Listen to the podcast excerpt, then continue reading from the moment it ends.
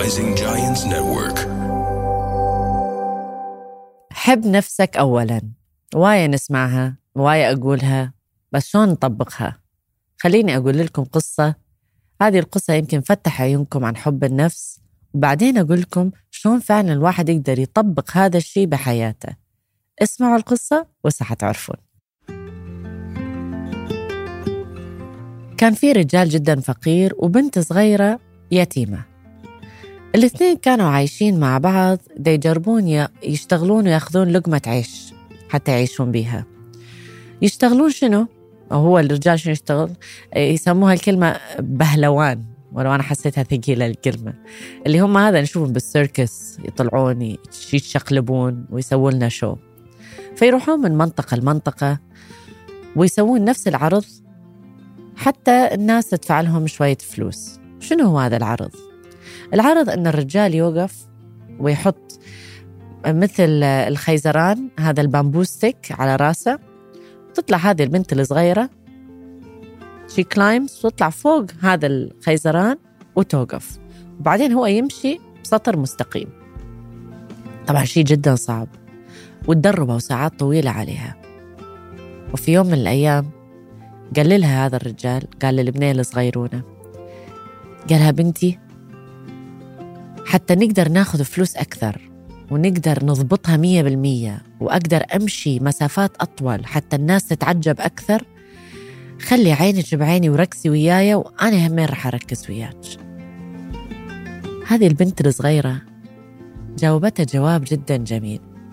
قالت له أستاذي أتوقع أحسن كل واحد يركز على نفسه لأنه إذا أنا ركزت على شغلي وأنت ركزت على شغلك مع بعض أكيد رح نضبطها مية بالمية.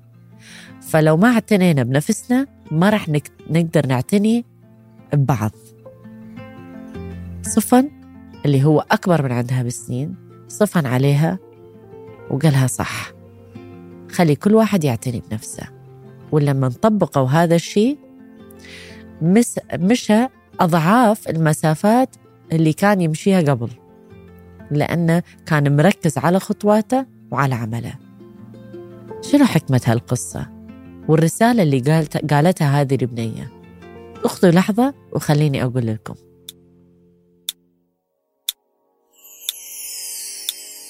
شوفوا يا جماعة الخير بديت أنا بحب النفس حب الذات. شلون هالقصة تنطبق على حب النفس والاعتناء بالنفس؟ خليني أبدأها بالطيارة.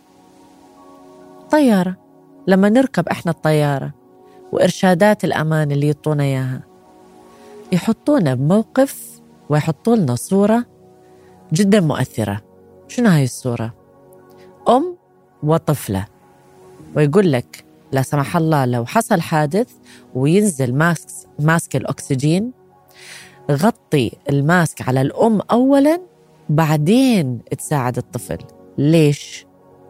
لأنه إذا الأم ما حطت الأكسجين على نفسها أولا وما اعتنت بنفسها ما راح تقدر تساعد بتها أو ابنها. فحطوا هذه الصورة لأنه جدا صعب على أي أم وأي أب حتى أنه يفكر بنفسه قبل ما يفكر بأولاده. بس الرسالة من هذه بعد نفس الرسالة اللي جتني من هذه القصة والحكمة. الاعتناء بالنفس حتى نقدر نق- نقدر نعتني بالآخرين. اليوم اللي يحب نفسه ويدير باله على نفسه واللي قصدي إياه مش مانيكير باديكير وصالون وسفرات وطلعات وشوبينج. لا لا لا. اعتناء بالنفس النفسية. آه سألت نفسك كم مرة زعلت باليوم أو زعلت نفسك باليوم؟ كم مرة احترق دمك؟ كم مرة تضايقت إحنا نفكر بمشاعر الآخرين ونفكر بحبايبنا اللي حوالينا. بس أخذت لحظة وفكرت بنفسك. فكرت أن أنا قد أذي نفسي؟ طب أنا راح أسألك سؤال. بكل بساطة. أكثر شخص عزيز عليك أبنائك أصدقائك شريك حياتك. أكثر شخص اختار شخص بيهم هل تقبل التعامل هذا الإنسان بنفس الطريقة اللي أنت تعامل بيها نفسك؟ فكر لحظة. لما نقول نفس الطريقة اللي تعامل بها نفسك. يعني كم مرة أنت حارق دمك؟ تقبل تحرق دم هذا الشخص اللي تحبه؟ كم مرة آه، نايم وأنت باتشي والدموع بعيونك؟ تقبل تخلي الشخص اللي تحبه ينام والدموع بعيونه؟ كم مرة متوتر وسهران الليل كله وتفكر بأمور اللي هي يوما ما انحلت أصلا؟ تقبل تخلي الشخص اللي أنت تحبه يظل طول الليل سهران لأن أنت دا تحشي بيه أفكار سلبية أنا متأكدة مية بالمية أن جوابك رح يكون لا طيب السؤال الجاي إذا ما تقبلها على الناس اللي تحبها ليش تقبلها على نفسك؟ إذا تريد تحس بهذا حب النفس اللي يقولوه أو حب الذات وفعلا تحب ذاتك؟ حتتغير حياتك 180 درجة. لأنه اللي يقدر يعتني بنفسه رح يقدر يشارك هذا الحب والحنان والاحتواء مع الآخرين. وفي ناس تقول هذه أنانية. هي ما يخصها بالأنانية أبدا. بالعكس لأنه أكو ناس حب الذات يقوى عندهم لما يحبون الآخرين ويعتنون بهم فهي مشاركة الحب والاحتواء. ومثل ما تقبلها على غيرك أن تحبهم وتحتويهم ليش ما تقبلها على نفسك؟ نسمع الناس تقول إذا ما أقبلها على نفسي ما أقبلها على غيري. دائما بالتصرفات السلبية. يعني أنا ما أقبل أحد يكذب علي أنا ما كذب على الناس. طيب إذا أنت ما تقبل تأذي الآخرين لأنه أنت ما تريد تتأذى لعد ليش تتأذي نفسك في تناقض صح؟ فكر بيها هل أنت متناقض مع نفسك؟